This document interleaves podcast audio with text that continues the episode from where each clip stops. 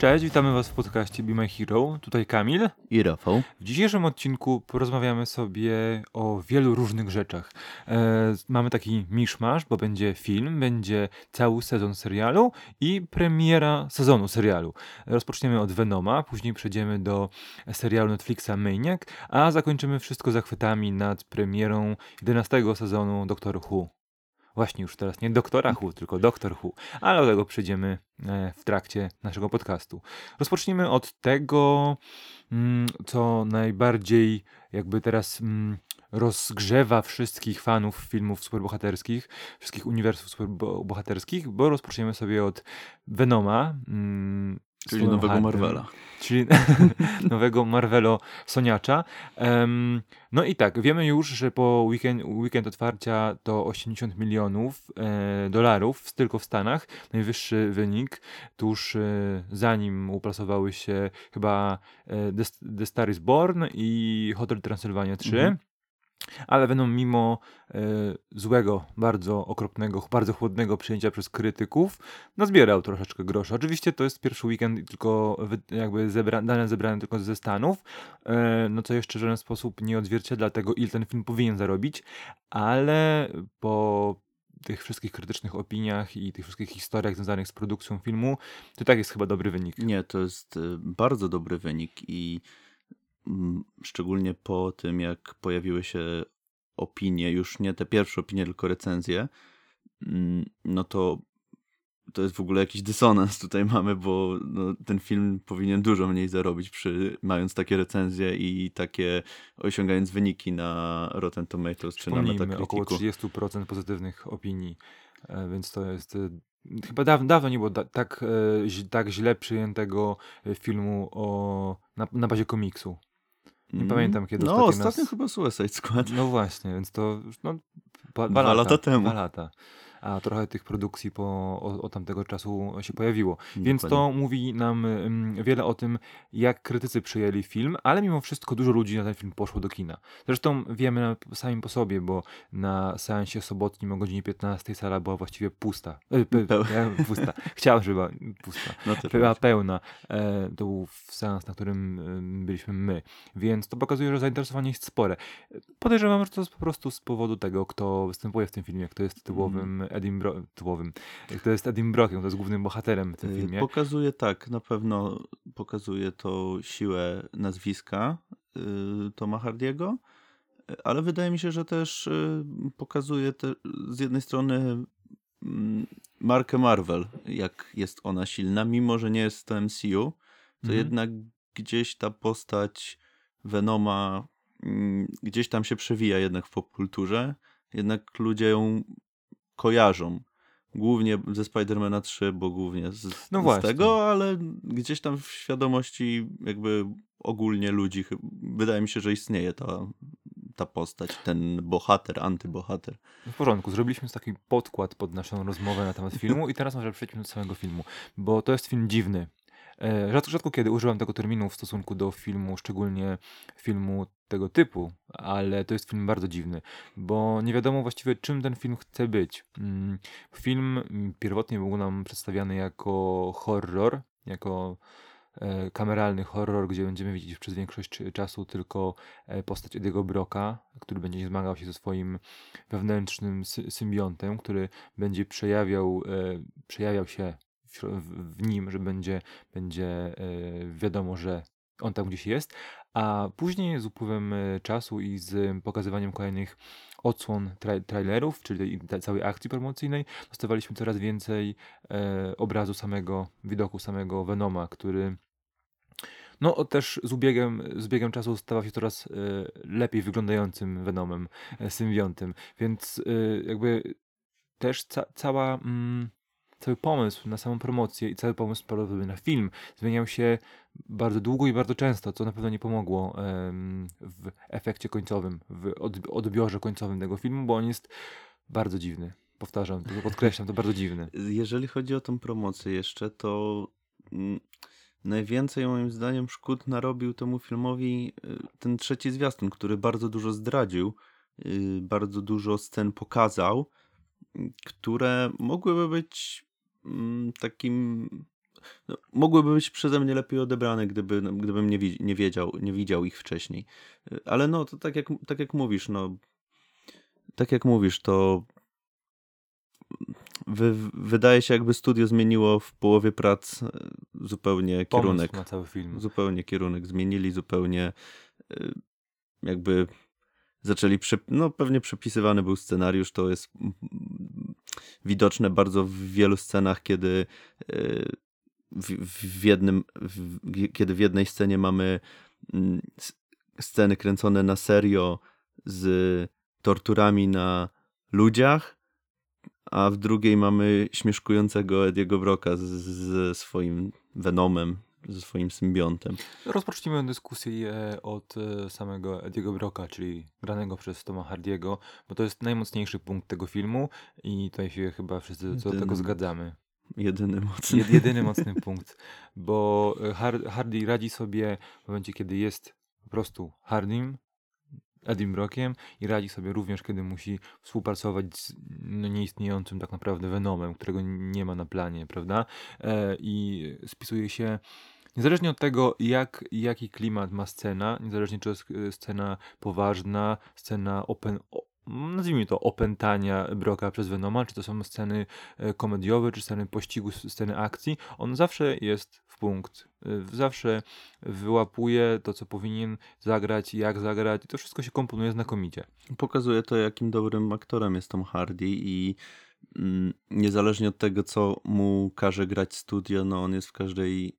Mm, potrafi wykrzesać ze swojej roli y, to coś, co sprawia, że widz cały czas jest przykuty do ekranu i mimo tej miernej fabuły, mimo tych skoków tonu, y, jednak cały czas będąc na sali, no jakoś to się ogląda. Mhm. Dziwnie, podziwnie, mając, mając mieszane uczucia, ale jednak cały czas przykuwa on do ekranu. Ja mam takie pytanie do ciebie. Jak odebrałeś w ogóle tę pierwszą część, ten pierwszy akt, kiedy mm, Eddie Brock był jeszcze reporterem z własnym programem w stacji telewizyjnej, który ciągle poszukiwał prawdy e, i który mm, no, był bardzo niewygodnym dziennikarzem, który przyciskał każdego swojego rozmówcę, bo chciał uzyskać prawdę. Bo wiem do czego pijesz, bo rozmawialiśmy już o tym, ale no tak. Y, bardzo to, no, tak jak mówiliśmy, bardzo to przypomina filmy superbohaterskie z przed 15 lat. No, z tego pierwszego, początkowego okresu, kiedy jeszcze studia musiały wymyślić, jak ten gatunek w ogóle ma się rozwinąć, w którą stronę pójść, bo te niektóre montaże to właściwie jeden montaż, kiedy Eddie Brock zbiera się z łóżka, wskakuje na swój motocykl i pędzi w stronę swojego wielkiego biurowca, w którym jest cała redakcja jego telewizji. Um, to było coś niezwykłego, tak jakbyśmy oglądali Nicolasa Cage'a z pierwszego Ghost Ridera albo nie wiem, jakieś no, w Daredevilu kinowym raczej nie było mm, wesołych scen, e, to jakąś Catwoman z, Holly, z Halle Berry, bo ten montaż jeszcze... On, Później on... mamy właśnie taki montaż, to też chciałem zaznaczyć, taki jak ala kadry komiksowe. Tak. To było niewiarygodnie złe. E, ale no i ale właśnie problem polega na tym, że nawet w tym pierwszej, tej pierwszej części e, filmu ton zmienia się też właściwie ze sceny na scenę, bo mamy raz e, ten dziwny montaż, e, film w ogóle otwiera nam scena e, po prostu budzenia się rano przez tego Broka jego narzeczoną, jak sobie tam śmieszkują, dogryzają sobie. Później nagle przechodzimy do badań nad ludźmi, ale w ogóle wcześniej, w ogóle film zaczyna się sekwencją, w której rozbija się statek tak, kosmiczny. Tak, jak, i... jak z Gwiezdnych Wojen albo Ostatniego Predatora. Tak, dokładnie, dokładnie z Ostatniego Predatora. I mamy yy, naukowców, którzy tam przeszukują ten statek i wyjmują jakieś tajemnicze yy, jakieś nie, nie wiadomo co jeszcze, tak. jakieś kontenery, nie wiadomo o co chodzi.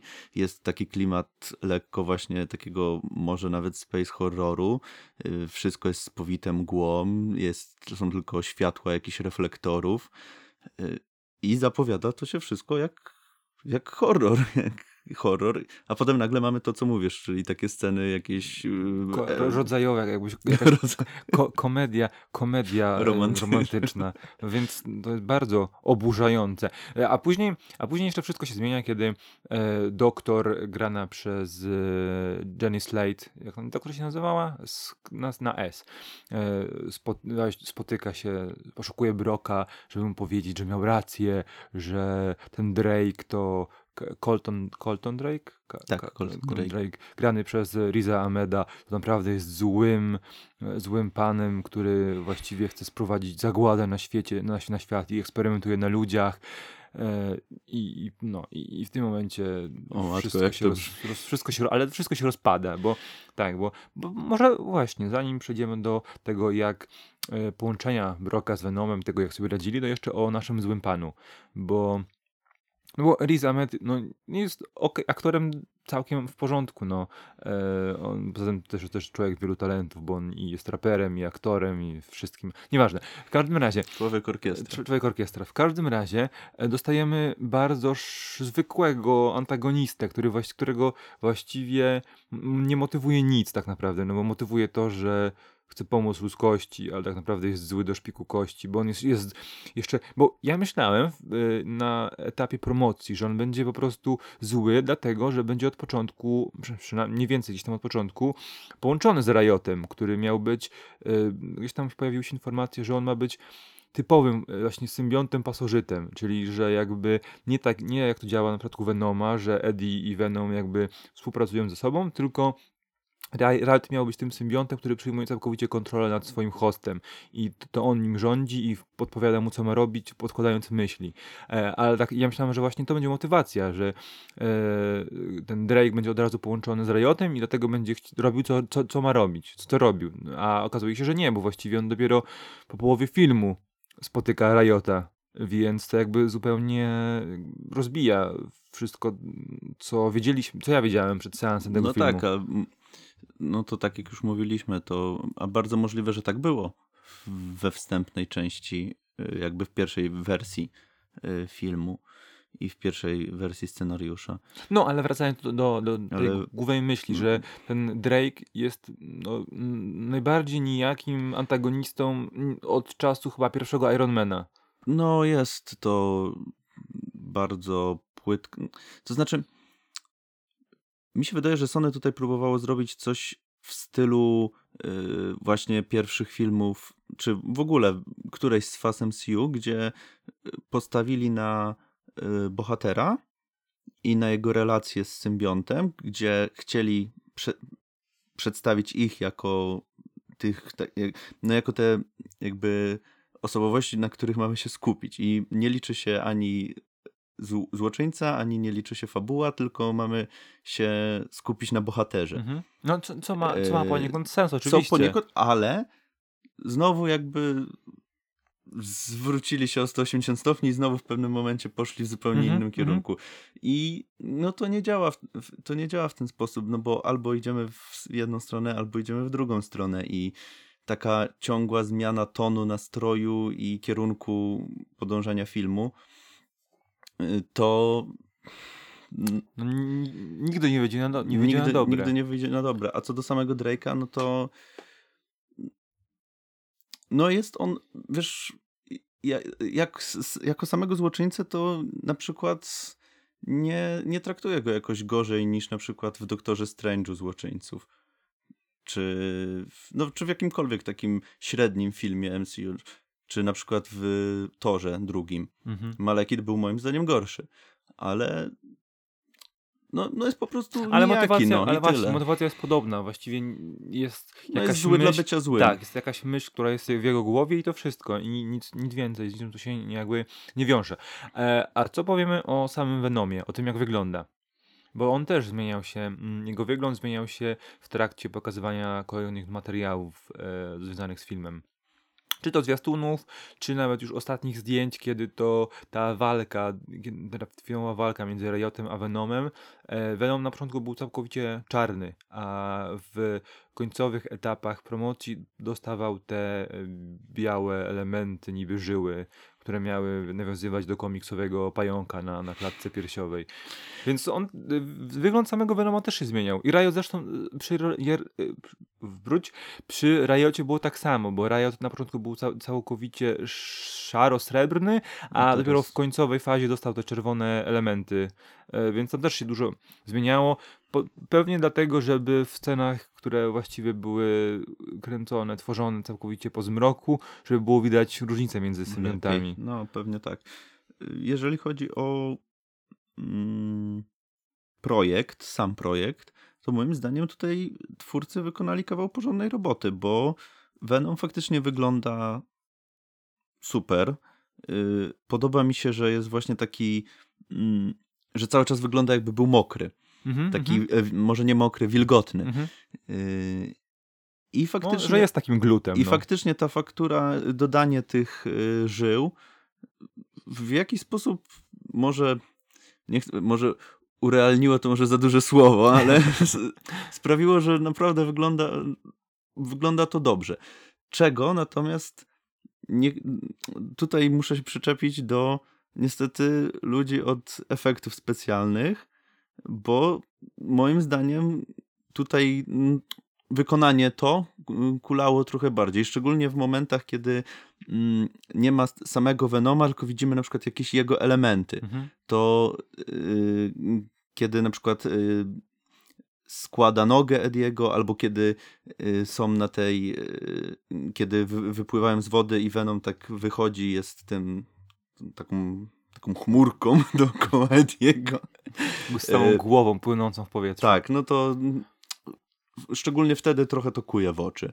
Plus ta finałowa walka też, mm, jakby to powiedzieć, no nie, nie, nie, chcę, nie chcę tu zarzucić temu filmowi braku realizmu, ale no te, te efekty specjalne mnie w, właśnie w takich momentach kuły w oczy bardzo.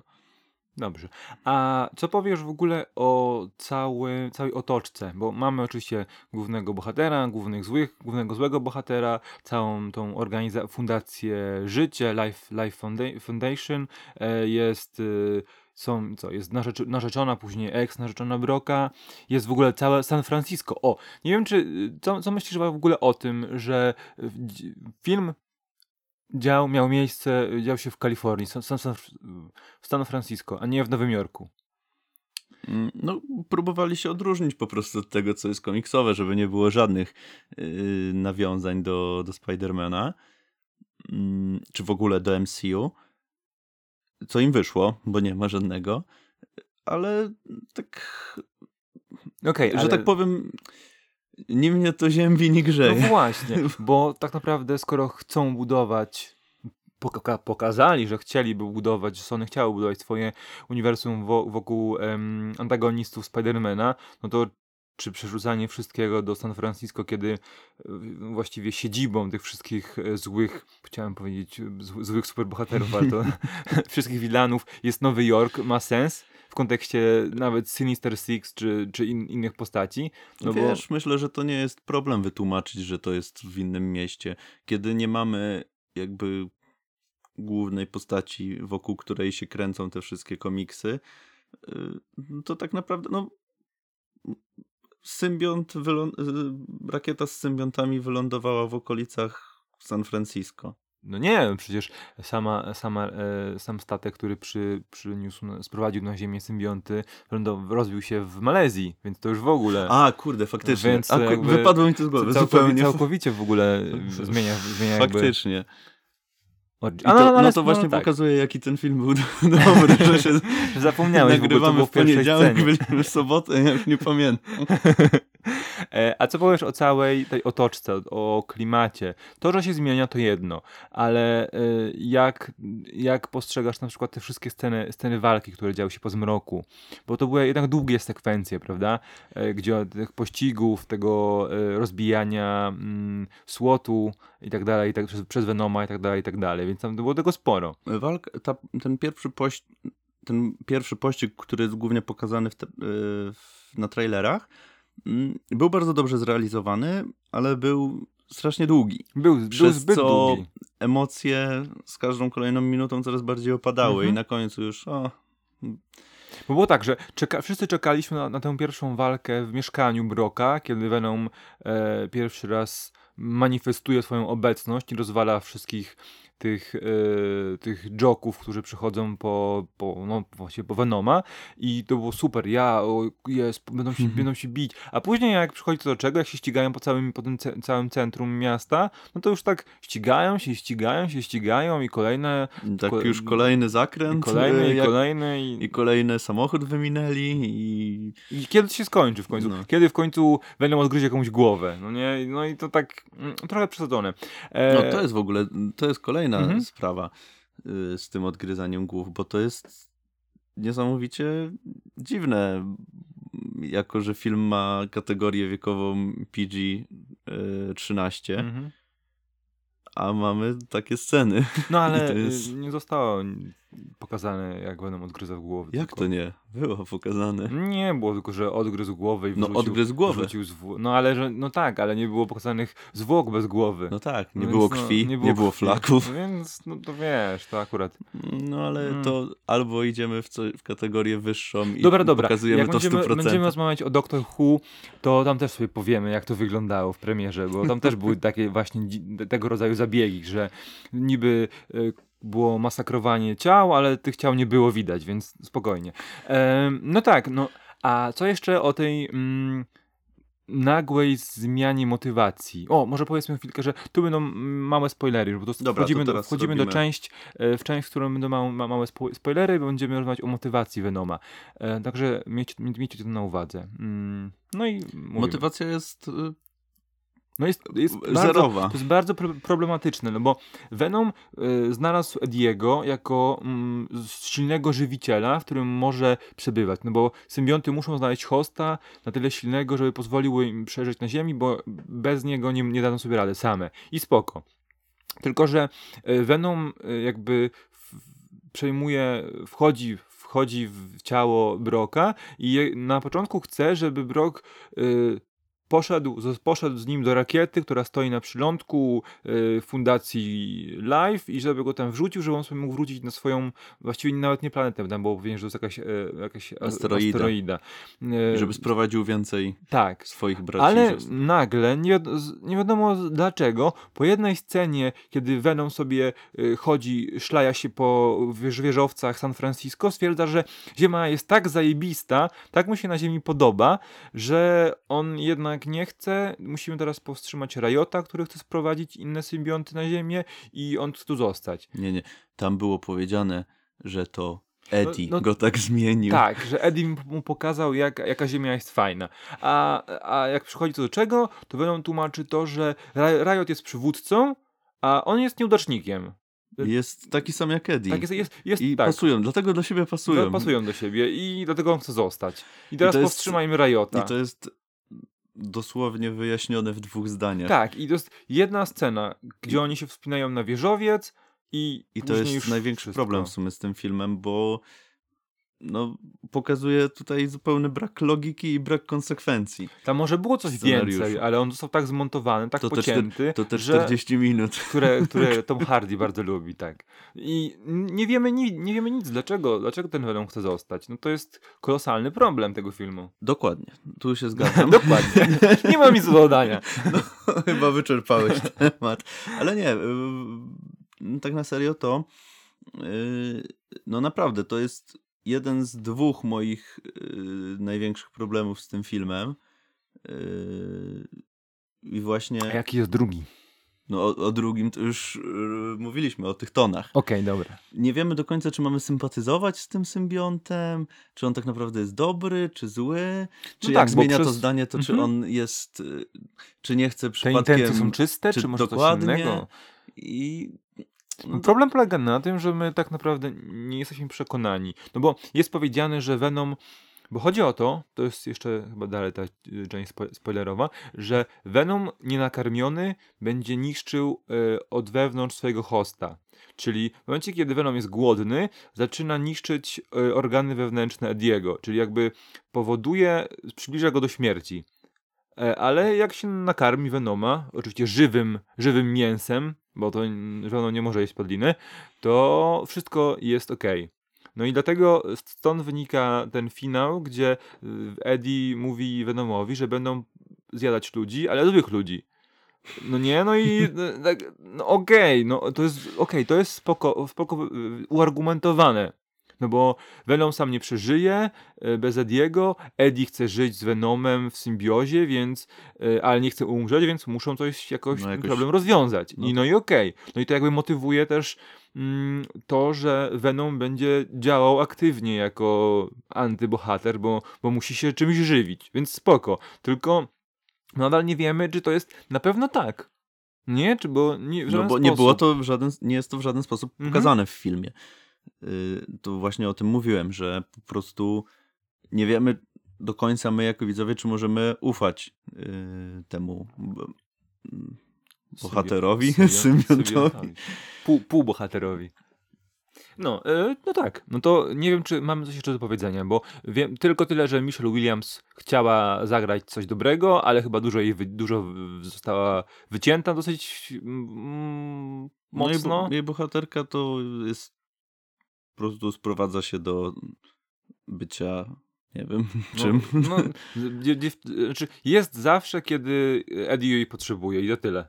tak, dokładnie. Mimo, że nie, nie są razem od pół roku i ona była zła na niego, bla bla bla. I już ma kolejnego Tak, już- tak. chłopaka, czy tam narzeczonego. Tak, i, i, i, ale zawsze jest wtedy, kiedy Eddie ją potrzebuje, kiedy musi go zawieźć gdzieś, musi przycisnąć guzik, musi cokolwiek.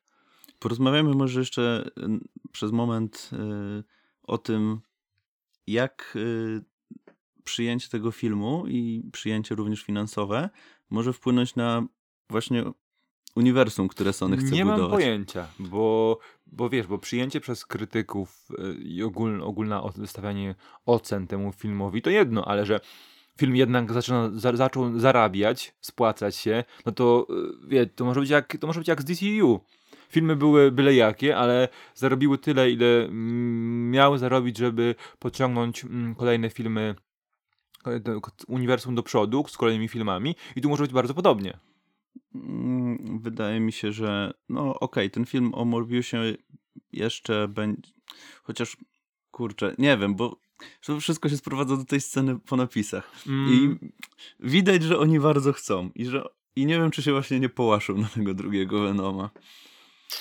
Nie wiem, wydaje mi się, że film o Morbiusie powstanie na pewno. I Tym bardziej, że to już, już już, jest preprodukcja. Mhm, tak, ale on powstanie, bo ra, ra, raczej odwołanie y, będzie wiązało się z większymi stratami niż jego stworzenie, wypuszczenie do kin, ale być może y, zły wynik Morbiusa spowoduje, że będą się zastanawiać, co zrobić dalej i na przykład będą robić standalony, a nie uniwersum. A nie wydaje ci się, że y, zaangażowanie takiego dużego nazwiska jak Woody Harrelson to jednak świadczy o czymś, że Ale wiesz, y, Woody Harrelson nie musi mieć podpisanego kontraktu na stalowy film. Mógł mieć tylko podpisany y, kontrakt na, na to, co na tą scenę, na tę scenę, w której brał udział, a kontrakt mógłby na przykład y, zawierać możliwość przedłużenia, jeśli film, w którym No się właśnie- pojawił, osiągnie, osiągnie odpowiedni wynik, więc no tutaj właśnie, wydaje może mi być się, taka że... klauzul, klauzulka, ale no, no nie wiem, nie wiem, naprawdę ciężko mi jest coś powiedzieć, bo no tak jak, tak jak, tak jak zacząłeś yy,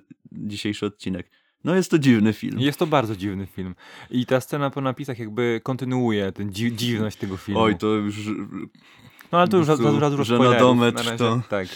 E, Ale jest też druga scena po napisach, na którą bardzo e, polecamy zostać, Mhm. bo jest wprowadzaniem do innego filmu produkowanego przez Sony. Tym razem o Spider-Manie, a właściwie o Spider-Manach. Bo mowa tu o, o Spider-Man Into the Spider-Verse. No tak, i możecie zostać, tam są dwie albo trzy minutki materiału. A, to, jest, chyba, to jest chyba materiał już z, po prostu z filmu. Tak mi się wydaje, ale te trzy minutki są lepsze niż cały Venom, szczerze mówiąc. E, To jest właśnie, to jest właśnie to. E, Podsumowując, e, jakieś trzy słowa? To jest dobry, popcornowy film, znaczy dobry. No, No, to jest film popcornowy, który można pójść obejrzeć, żeby się odmurzyć. Niekoniecznie coś po nim zostaje. No i tak jak mówiliśmy, no to jest dziwny film i te skoki tonu mi na przykład osobiście bardzo przeszkadzały. Mhm.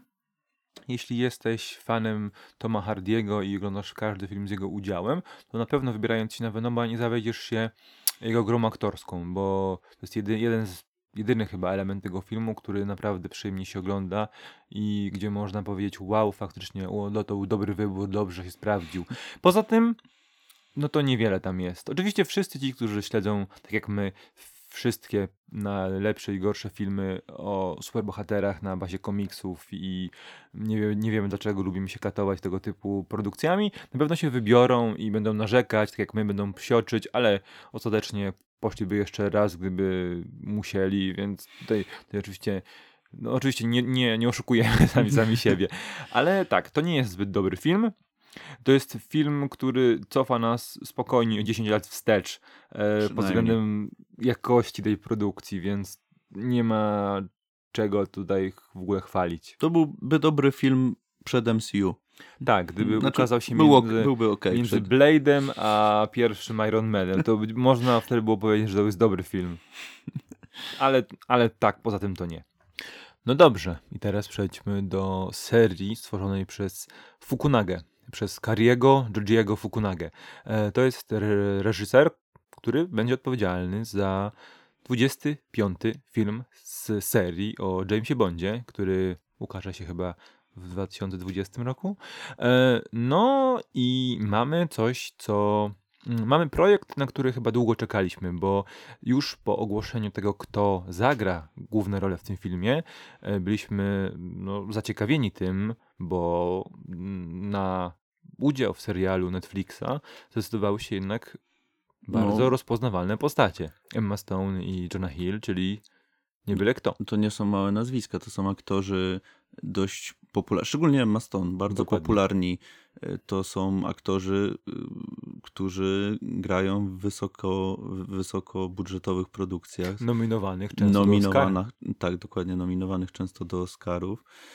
E, I no, to nie, jest, to, to nie zdarza się często, że w takim projekcie takie, takiego formatu gwiazdy się z, y, jakby zgadzają grać.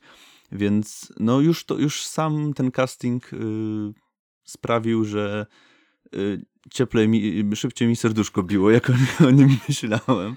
E, ale bo otrzymaliśmy od razu z pierwszym zwiastunem też przewidywania, te, te synopsis, tak, odnośnie tego, o czym będzie mówił serial. No to od razu wiedzieliśmy, że będą to jakieś badania nad ludzką psychologią i że nasi bohaterowie będą zmagać się z jakimś rodzaju zaburzeniami psychicznymi. E, okazało się poniekąd, że nie do końca tak, bo Emma Stone znalazła się tam teoretycznie przez przypadek. Trochę przez przypadek. E, ale faktycznie Jonah Hill Powiem ci, że jeśli chodzi o e, sam występ e, i grę Johna, Johna Hilla, to ja byłem. Bezbłędny jest. Bo jest bezbłędny, jest naprawdę. Radzi sobie znakomicie z rolą osoby z chorobą psychiczną, po prostu. Najprościej to ujmując, e, bez, nie, nie owijając w bawełnę. I tak, no i mm, zacznijmy od tego, w jakim świecie dzieje się ta historia, bo to jest bardzo interesujący świat, świat bo to jest, e, też o tym już sobie między, między nami mm, sobie rozmawialiśmy, że to jest gdy spojrzenie na przyszłość osoby tworzącej filmy w latach 80. Dokładnie e, tak. Tylko takiej przyszłości delikatnej, bo delikatnie, w sensie delikatnie dystopijnej, bo to nie jest e, obraz wyjęty z Blade Runnera, chociaż ma wiele elementów, które można byłoby na przykład e, zauważyć w Blade Runnerze, gdyby akcja filmu działa się w, w dzień. e, ale no to jest coś na zasadzie no jakiego, jakiegoś rodzaju cyberpunku. Są jakieś y, niewielkie roboty, jakieś niewielkie udogodnienia takie dla ludzi.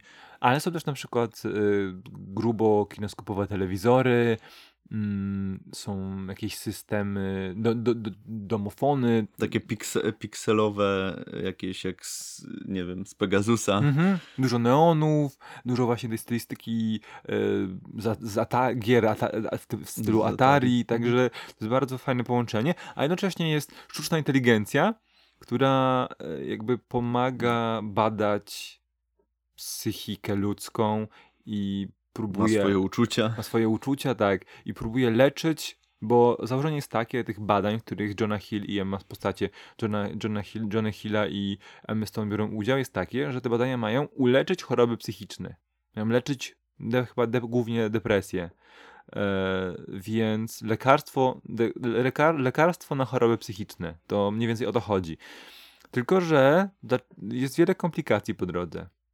Bo sami nasi bohaterowie są bardzo skonflikt, skonfliktowanymi wewnętrznie osobami. Mm, bo N, tak? N jest y, osobą jest y, buntowniczką, która zawsze szła pod prąd, która z nikim się nie zgadza, a jednocześnie obarcza siebie za. Jednocześnie pewne... ma też swoje demony, tak, właśnie. Tak, a jednocześnie obarcza siebie dręczą. za wydarzenia, y, które miały za, zaszły w jej życiu.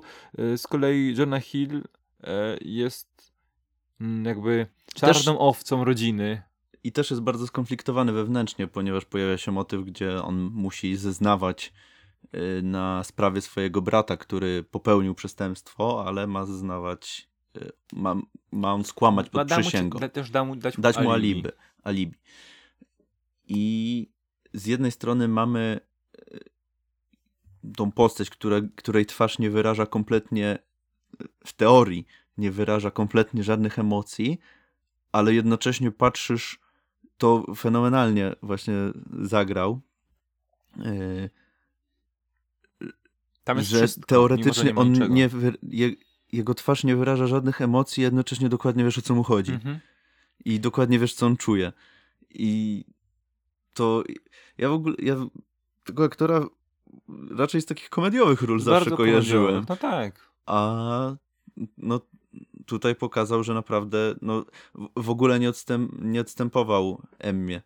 Tak, no okej. Okay. To powiedzmy sobie teraz mniej więcej, jak wyglądają te nasze postaci, bo Owen jest, on, jakby e, Annie i Owen są jakby dwiema zupełnie różnymi osobami, bo e, Owen jest osobą uzależnioną od bliskości ludzi, ludzi, ale jednocześnie jest osobą, która nigdy nie odnajduje się w ich towarzystwie. Zawsze jego relacje stawały się bardzo toksyczne i on z reguły on sam je niszczył relacje i siebie.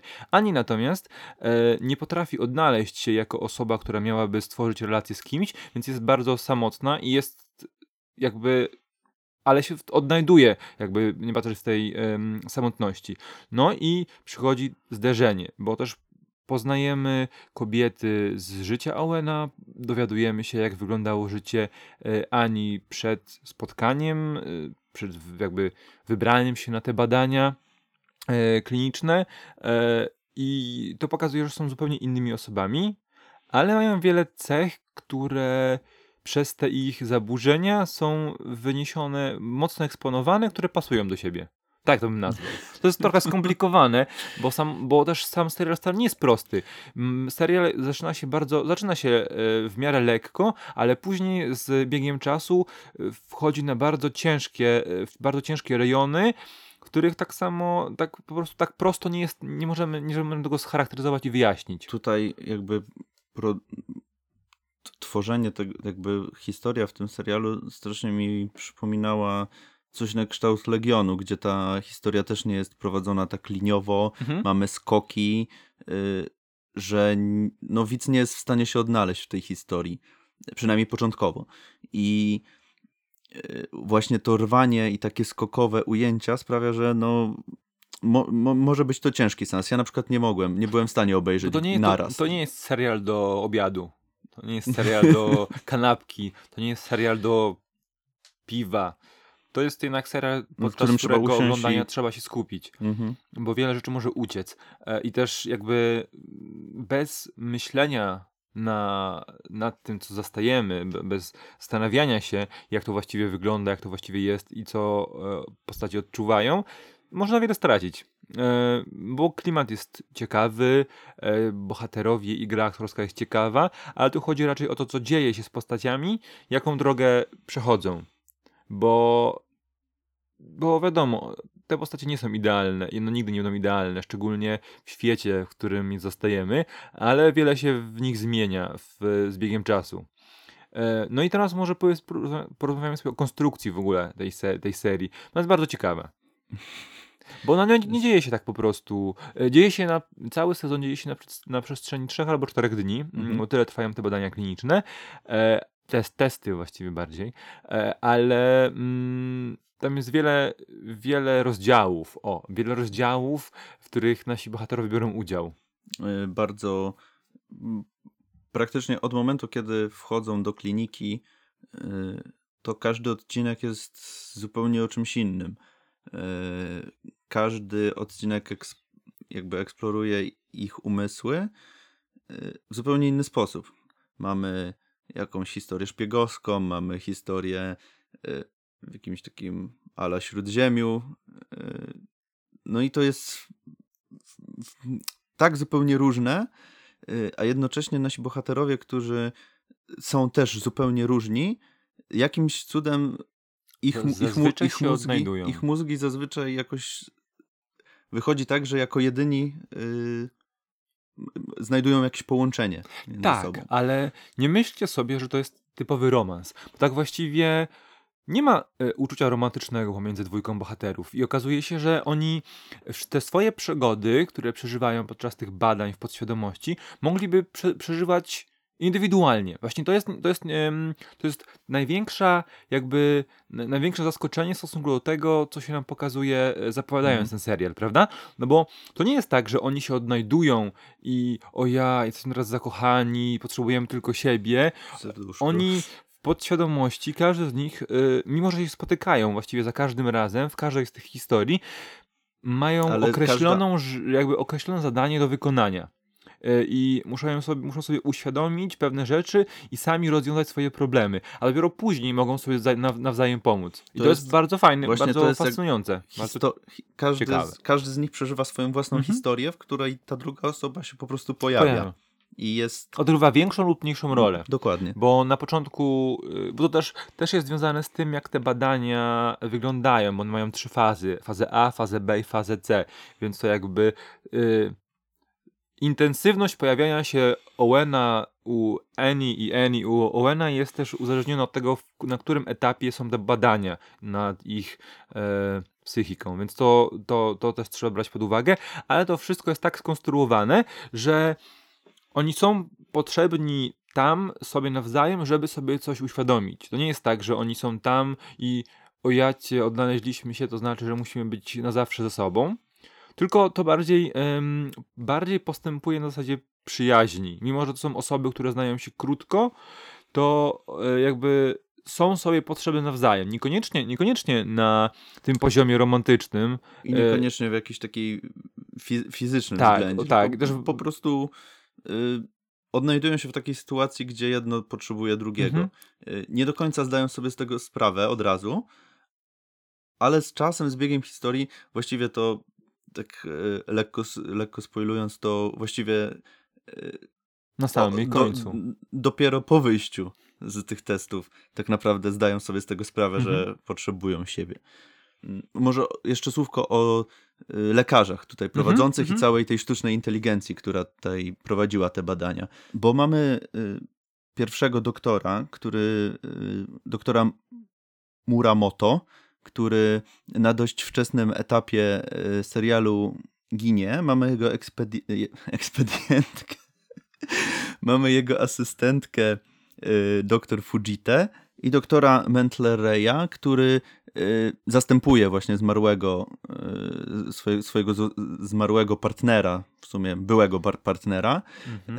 W tych badaniach. No i jeszcze mamy motyw z Gretą, czyli jego matką. Tak. Który jest mega dziwny. To jest bardzo, jest to jest zupełnie, zupełnie osobny wątek, bardzo specyficzna relacja między matką i synem, bo też te badania właściwie powstały dlatego, że y, Greta Mentler-Ray jest y, pan, panią, y, panią terapeutką od spraw no, psychologicznych. I jej syn chciał jej pokazać, że jej praca nie jest nic warta i chciał stworzyć sztuczną inteligencję, która pomoże mu w stworzeniu e, leku na, na choroby psychiczne. I Więc właśnie na, jakby... na podstawie jej jakby umysłu zbudował całą sztuczną inteligencję, którą odczuwała.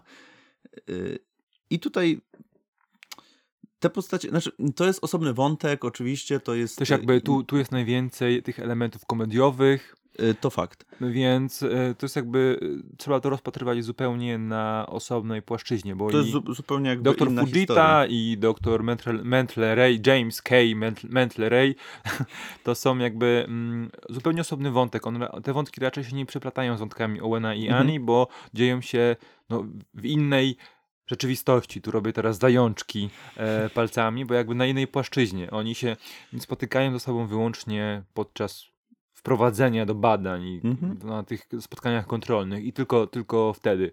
E, no ale też jest faktycznie bardzo ciekawy wątek tego, tego e, trochę... Też pod takim, względ, takim względem y, trochę filozoficznym Mhm. i takim etycznym, czy jak to w ogóle, mimo, że mamy tutaj elementy komediowe, to jednak zastanawiamy się cały czas, czy, y, czy w ogóle powinno się coś takiego robić. Ale, to, ale też fajnie zostało pokazane to, że cała ta organizacja, cały to ten konglomerat farmaceutyczno-medyczny, każdy z nich tam na różnych piętrach przeprowadza różne dziwne badania. To było też fajne, jak jechali sobie windą i co piętro na przykład ktoś, y, nie wiem, poparzony, ze spalonym uniformem wsiadał do windy i um, do, dobre rzeczy tam robicie, dobre rzeczy, trzymajcie, róbcie tak dalej, dobrą, ro, dobrą robotę. Więc to, to pokazuje to, tu dużo tych właśnie, że jakby ta futurystyczna korporacja medyczna zła, ale tak w domyśle zła, bo niby robi, chce robić Jest- dobre rzeczy, ale tak naprawdę też jeszcze w ogóle, e, bo przecież był moment, w którym te badania stanęły pod znakiem zapytania Mhm. i ci nasi doktorowie dost- mieli się spotkać z jakimś głównym szefem korporacji, który był telewizorem, y, falą, tylko był jego głos jako fala w telewizorze i to wszystko, nawet nie wiemy kim on jest.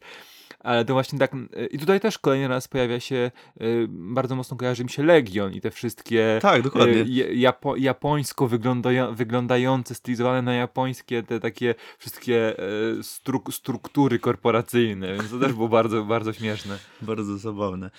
Tak, jednak no to jest taki czysto właśnie komediowo-przerywnikowy fragment serialu, bo te postacie nie są w żaden sposób rozbudowane. Coś tam może próbują, ale no jednak tutaj No tak, show, ma, to- show ma mhm. dwójka y, głównych bohaterów i to na nich w 100%, no nie w 100%, ale w 95% skupia się serial, akcja i No i tak, fabuła. no i e, Annie i Owen przechodzą jakąś drogę i pewne rzeczy sobie uświadamiają. Chociaż Owen m, nawet po wyjściu e, z tych testów ma problem z odnalezieniem się mm, e, w świecie rzeczywistym albo po, po jakby rozróżnienia, rozgraniczenia tego, co jest światem rzeczywistym, a co jest wyłącznie jego, w jego głowie. Ale sezon kończy się tym, że Annie i Owen się spotykają ostatecznie e, i postanawiają pojechać sobie razem gdzieś, dokądś. E, I chodzi o to, że mm, na początku było powiedziane, że to raczej będzie zamknięta historia, tak nam przedstawiano Mhm. cały projekt. Ale już teraz po tym ciepłym przyjęciu całego mm, Maniaka, całej serii, przybąkuje się, a może by zrobili, zrobią drugi sezon serii, być może jest jeszcze dużo wątku do eksplorowania, być może to, być może tamto. jak to- Tylko jak to z, z ciepłym przyjęciem serialu, no to zawsze tak właśnie. mówię. Y, Wątpię, żeby Emma Stone mię- czy, czy Jonah Hill y, chcieli powrócić do serialu. No właśnie. Się ten, y, gmatwać w kolejne y, 10 odcinków kręcenia, ale y, mogliby na przykład zrobić coś na kształt Czarnego Lustra. Że każdy sezon, że no tam w, w, w, Każdy- czarnym, w czarnym lustrze nie, masz każdy odcinek o czym innym. Jak a na przykładzie Westworld. Każdy sezon o innym, I- o innym parku. piętrze, o jednym piętrze e, tej, tej korporacji. No, to by, to by było tak, to by było to. y, drugi sezon, Maniac o podtytule Człowiek w spalonym uniformie. Tak. Widzielibyśmy na przykład jakieś badania nad, nie wiem, nad amputowanymi kończynami i oni przechodzili badania i im wyrastały skrzydła zamiast ręki, Okej. nie wiem. Ale no, i pan, i pan by mówił z telewizora do nich cały czas. To by było coś, tak. Ale nie, e, to jest serial, na pewno serial, który warto zobaczyć. Mm, Tylko serial, też to nie który- jest serial dla każdego. Mhm, to nie jest też, też serial na raz. na, na, nie liczcie, że usiądziecie i obejrzycie. Raz, że to jest serial, który ma 10 odcinków po, po około godzinę każdy, więc y, to jest raz. Y, dwa, że to nie jest serial, który można wciągnąć nosem jak spaghetti. Eee, no, no i też nie serial dla wszystkich, bo... Trzeba się skupić bardzo na nim i obejrzeć go w spokoju. Y, nie jako gdzieś tam do pracy w tle, nie do obiadu, tylko naprawdę trzeba po prostu poświęcić mu czas. Dać mu troszeczkę serduszka. Dokładnie. E, ale polecamy i to chyba na razie tyle odnośnie Maniaka. Bardzo, mm, bardzo nam się serial podobał. Podobał się nam? Podobał. Oczywiście, że e, tak. Oczywiście, że tak. Więc e, wszystkim tym, którzy lubią nie do końca odnajdywać się od razu w świecie, lubią zagłębiać się w odmęty psychiki ludzkiej i odkrywać z odcinka na odcinek kolejne elementy układanki, jak najbardziej. Dla tych wszystkich to jest serial przy którym będą się znakomicie bawić. A teraz, na koniec, poświęćmy jeszcze kilka minut. E... A teraz, y, czy mają Państwo chwilę, y, żeby pogadać o podróżach w czasie i przestrzeni? Dokładnie.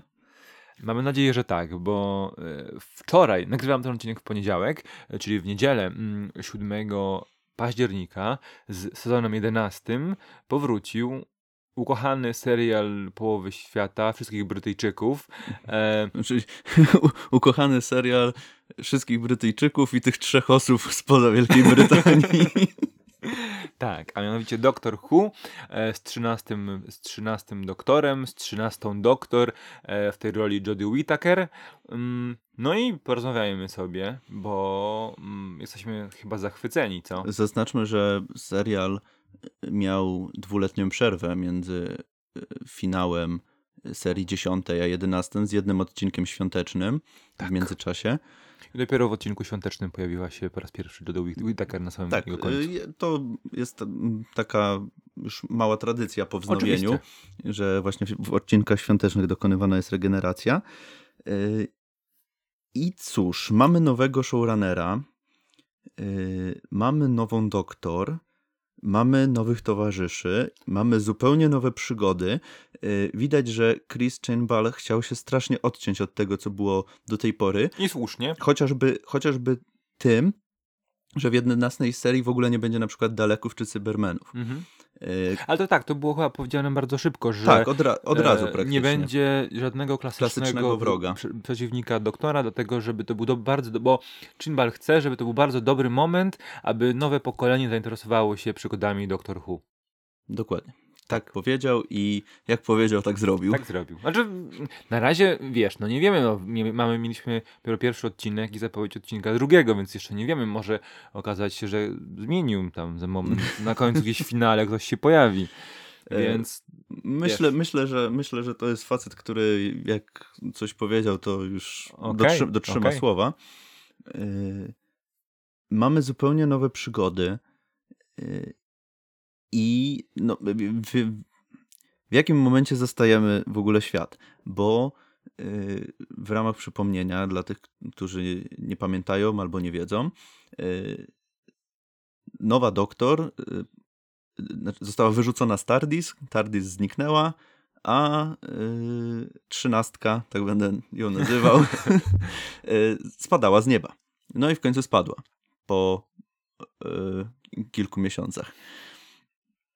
Ale w międzyczasie, y, zanim spotykamy pierwszy raz naszą, do, naszą y, nową inkarnację doktora, y, spędzamy chwilę z towarzyszami, mhm. którzy będą. I może słówko o nich. Oczywiście nie pamiętam imion. Ryan Sinclair, e, jego, przysz, jego przyszywany dziadek Graham i Jasmin Khan, policjantka, na, do której przyjaciele mówią Jaz. Proszę bardzo. E, I tak, i mhm. Ryan i ja znają się z szkoły średniej bodajże mhm. e, i mają po 19 lat chyba, bo Ryan mówił, że tak, tak, tak, ma 19 tak. lat. E, tak, no i jest jeszcze jego przeżywany dziadek, bo drugi mąż jego babci, no tak. Trochę to skomplikowane, ale tak.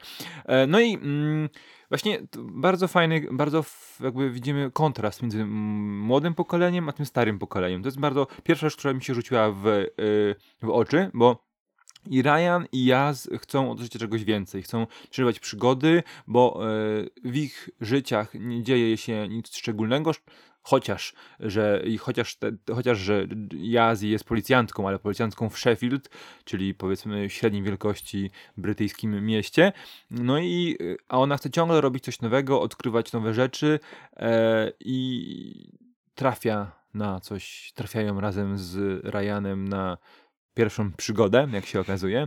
A z kolei Graham jest no, człowiekiem starej daty, e, zako zakorzenionym w swoich zwyczajach, ma swoje rutyny, jest, e, jeździ autobusem, jest po prostu panem, który jeździ autobusem miejskim e, i nie, nie lubi podejmować ryzyka. No i, no i jest jakby miał, miał raka, to też jest istotne jakby mhm. z, z, perspektywy tego, co się dzieje w odcinku.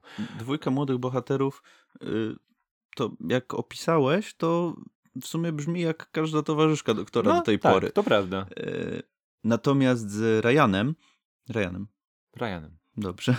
No mówię, pamięć do nazwisk i imion boli bardzo. E, natomiast jeżeli chodzi o Ryana, to mm, bardzo mi to przypomina wątek z czwartego sezonu, kiedy Donna Noble nie mogła e, podróżować z dziesiątym doktorem i e, tymczasowo na pokład TARDIS wszedł też jej dziadek. Mhm. I... To dziadek ma imię Graham. Ryan to kolega ja. Kurde. Ale kontynuuj, kontynuuj. No, kurczę, no tak to jest. No i właśnie jakby to zderzenie właśnie z doktora takiego bardzo żywego doktora, i te, bo dziesiąty też był taki bardzo proludzki i taki bardzo oży, ożywiony, e, a jednocześnie e, był doktorem, ale jednocześnie był takim bardzo ludzkim doktorem. I wydaje mi się, że tutaj też będą chcieli pójść w te, w te tony. E, no dlatego jestem ciekawy, czy, czy w ogóle Graham odnajdzie się na pokładzie TARDIS, szczególnie, że nie będzie sam, tylko będzie miał. jeszcze nie mamy TARDIS. No, no to swoją drogą, no ale to no, no. bądź no, szanujmy się. Szanujmy się, przecież wiadomo, że zaraz to, zaraz się znajdzie. Jestem ciekawy nowego wnętrza w ogóle i nowej czołóweczki, bo nie było teraz czołóweczki. Nie było. Ale już e, było, można usłyszeć motyw przewodni e, w zapowiedzi zapowiedzi całego sezonu. Pojawia się mhm. taka półtora minutowa zapowiedź całego sezonu e, z aktorami, którzy się pojawią w różnych rolach historycznych nie tylko. E, I zmian, zmiany są, są, są znaczne, jeśli chodzi o dźwięk. Ale jakby... Ta, nie, motyw jest ten motyw sam, jest tylko ten jest sam, inaczej tylko zaaranżowany. Jest tak, zgadza się. Kontynuując.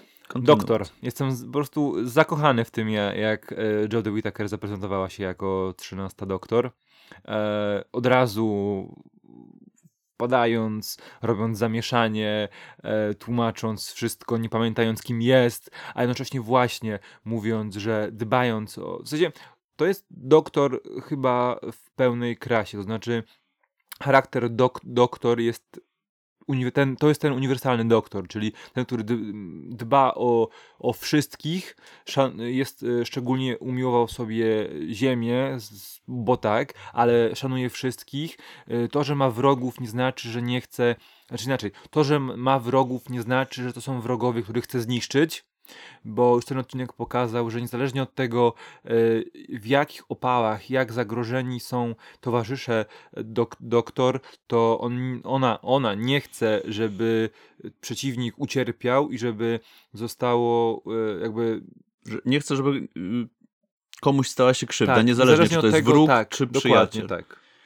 E, więc no więc raz, że jest bardzo żywa, bardzo wesoła, ale też potrafi wpaść w te nostalgiczne tony.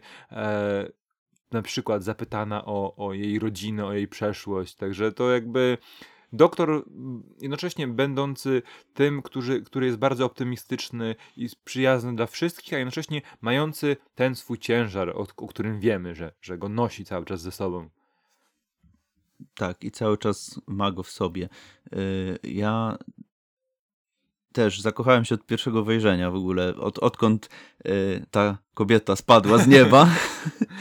Y, to abs absolutnie, absolutnie się zakochałem w jej gestach, ruchach, tym, że jest tak niezrozumiana, a jednocześnie tak bardzo ludzka. Gdzieś chyba czytałem przed premierą, że twórcy będą celowali właśnie gdzieś w okolice Mata Smitha z, z tą inkarnacją doktora.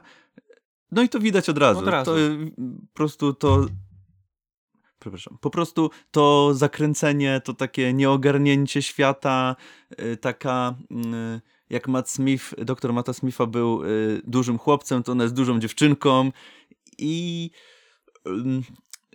jak ja po, po, po, po erze Matta Smitha myślałem, że mi się to przejadło, ale po tym niezdecydowaniu w kreowaniu 12 doktora mm. jedno, od, od, razu wiem, że po, po prostu to był frajda i od razu pojawia się uśmiech na twojej twarzy, kiedy widzisz, jak zachowuje się nowa doktor. Tak, dokładnie. To jest po prostu inny kaliber, bo no niestety y, Peter Capaldi, co by nie mówić o, niego, o nim jest świetnym aktorem, to jednak te historie y, miał, no i sam doktor nie był wykreowany tak y, jednocześnie chcieli bardziej w, bardziej w pierwszych po, doktorów celować, a z drugiej strony też nie do końca, bo był ekscentryczny, bo grał na gitarze i miał soniczne okulary i taki był nie wiadomo jaki. Y, no tutaj od razu, od pierwszych sekund wiadomo, jaki mają pomysł na, tego na tą doktor. I mimo, że y, może być to trochę wtórne, to wydaje mi się, że to ta wtórność teraz nam się tylko wydaje, że tak będzie. Mi się w ogóle nie wydaje, że będzie wtórność, dlatego że e, to, że będzie mm, charakterem i zachowaniem podobna do 11 doktora, to jest ciągle kobieta i zupełnie inaczej będzie postrzegana przez świat podczas wędrówek i historii. Więc jakby od, jej odbiór będzie zupełnie inny. Tak, to na pewno. To tutaj się zgodzę. A co powiesz o samej historii odcinka? Bo ja mam takie wrażenie, że ona była tylko ok, dlatego że też nie chciano zbyt tego wszystkiego komplikować, żeby dać szansę przedstawienia się samej doktor i samej towa jej towarzyszy. Mam dokładnie bo... takie, mam takie samo zdanie, dokładnie. Ta, to był po prostu potwór tygodnia, mhm. w, który absolutnie nie, nie miał za zadanie nic więcej. Po prostu był tłem, na, na którym miał, miał się wybić postacie ich charaktery. To był odcinek na eksplorowanie tego, e, tych podwalin, drużyny, która będzie zmagała się w przyszłości z kolejnymi zadaniami i wydaje mi się, że to tylko tyle. Tak, i to, ale to tak właśnie mówię, no to każdy, każdy doktor miał ten pierwszy odcinek taki wprowadzający, gdzie właśnie się jeszcze nie poznawał. Ona tutaj też ma takie, że nie wie kim jest, nie wie, że język to język i mhm. tak no, każdy, każdy doktor tak miał. Nie? Tutaj dodatkowo mamy jeszcze towarzyszów bardziej jakby wyeksponowanych. No tak, a co powiesz o, bo tak, bo tak jak mówiłeś o sonicznych okularach, to mi się przypomniało, że w tym odcinku w końcu e, doktor mm, stwierdziła, że soniczny śrubokręt to niekoniecznie śrubokręt, tylko bardziej jak soniczny scyzoryk, tylko że bez noża. Więc to, to mi się, bardzo mi się to spodobało, ale jeszcze jednocześnie to, że stworzyła swój e, soniczny śrubokręt e, sama. sama i z łyżek. z roztopionych łyżek, więc... no jest, jest to piękne. Jest to piękne. Ale naprawdę, ja się bardzo cieszę, że, że przyjdzie nam spędzić kolejne dwa miesiące z nową doktor i będziemy mogli to dzień ekscytować się kolejnym, kolejną przygodą, bo tak, na pewno Bo jakiś tak. odcinek y, podsumowujący sezon na pewno Tak, to pojawi. na pewno zrobimy, tak, zdecydowanie. Już jak będzie listopad, jak będzie koniec listopada, bo mniej więcej pewnie tak to się skończy, mhm. na pewno nagramy odcinek poświęcony wyłącznie sezonowi Doktor Who. Być, a być może nie tylko odcinek podcastu, ale to y, jeszcze swoją drogą do tego dojdziemy. E, podsumowując, e, jeśli chcielibyście zapoznać się z doktorem Hu, z Doktor Hu, bo nie mieliście jeszcze nigdy do tej pory okazji, to ten moment, czyli 11 sezon i pierwsze pojawienie się 13 doktor jest znakomitym momentem, bo dostajemy właściwie wszystko. Raz, że dostajemy świeży start, dwa, że dostajemy pełne spektrum tego, co można spodziewać się po, po tym serialu. dobrym doktorze. e, i, Także jeśli... tak, naprawdę warto warto, jeżeli ktoś chce zacząć swoją przygodę z doktorem, to to jest idealny moment, bo mamy zupełnie nowe podejście, zupełnie nowych twórców, zupełnie nową doktor, yy, taką też- na miarę XXI wieku. Też bardzo spory przeskok produkcyjny. O tym jeszcze nie powiedzieliśmy, że Tak, dokładnie. wyglądał znakomicie. E, W porównaniu do tego, jak serial wyglądał dotychczas, no to już jest całkowicie wejście na nowy, na nowy poziom. No to jest taki sam przeskok jak y, między erą Russella T. Davisa a, y, a, a Stevena Moffata. To jest ten sam poziom realizacyjny, ten, ten sam przeskok realizacyjny, taki sam przeskok widzimy teraz.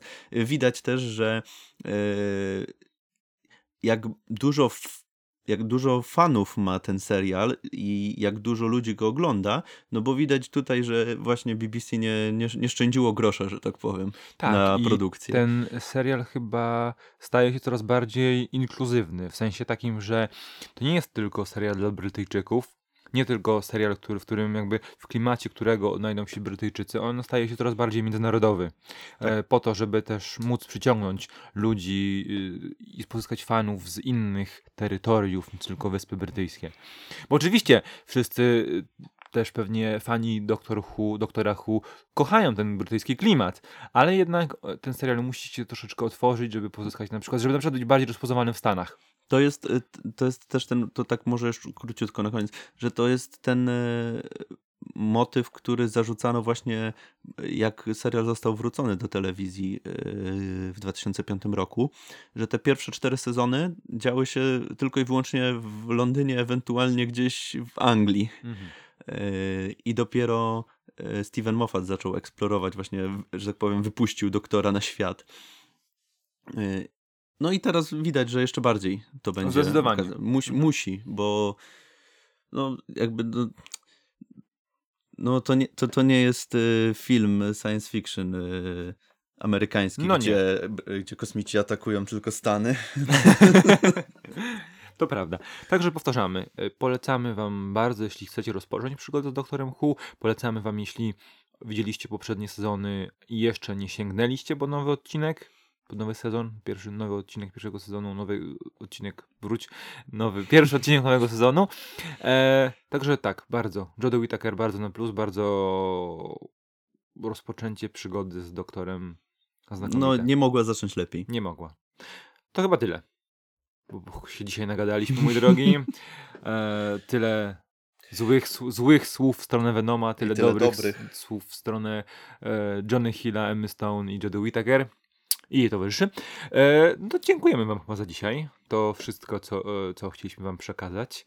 E, mam nadzieję, że słyszymy się niedługo. To był podcast Be My Hero. Do usłyszenia. Cześć. Cześć.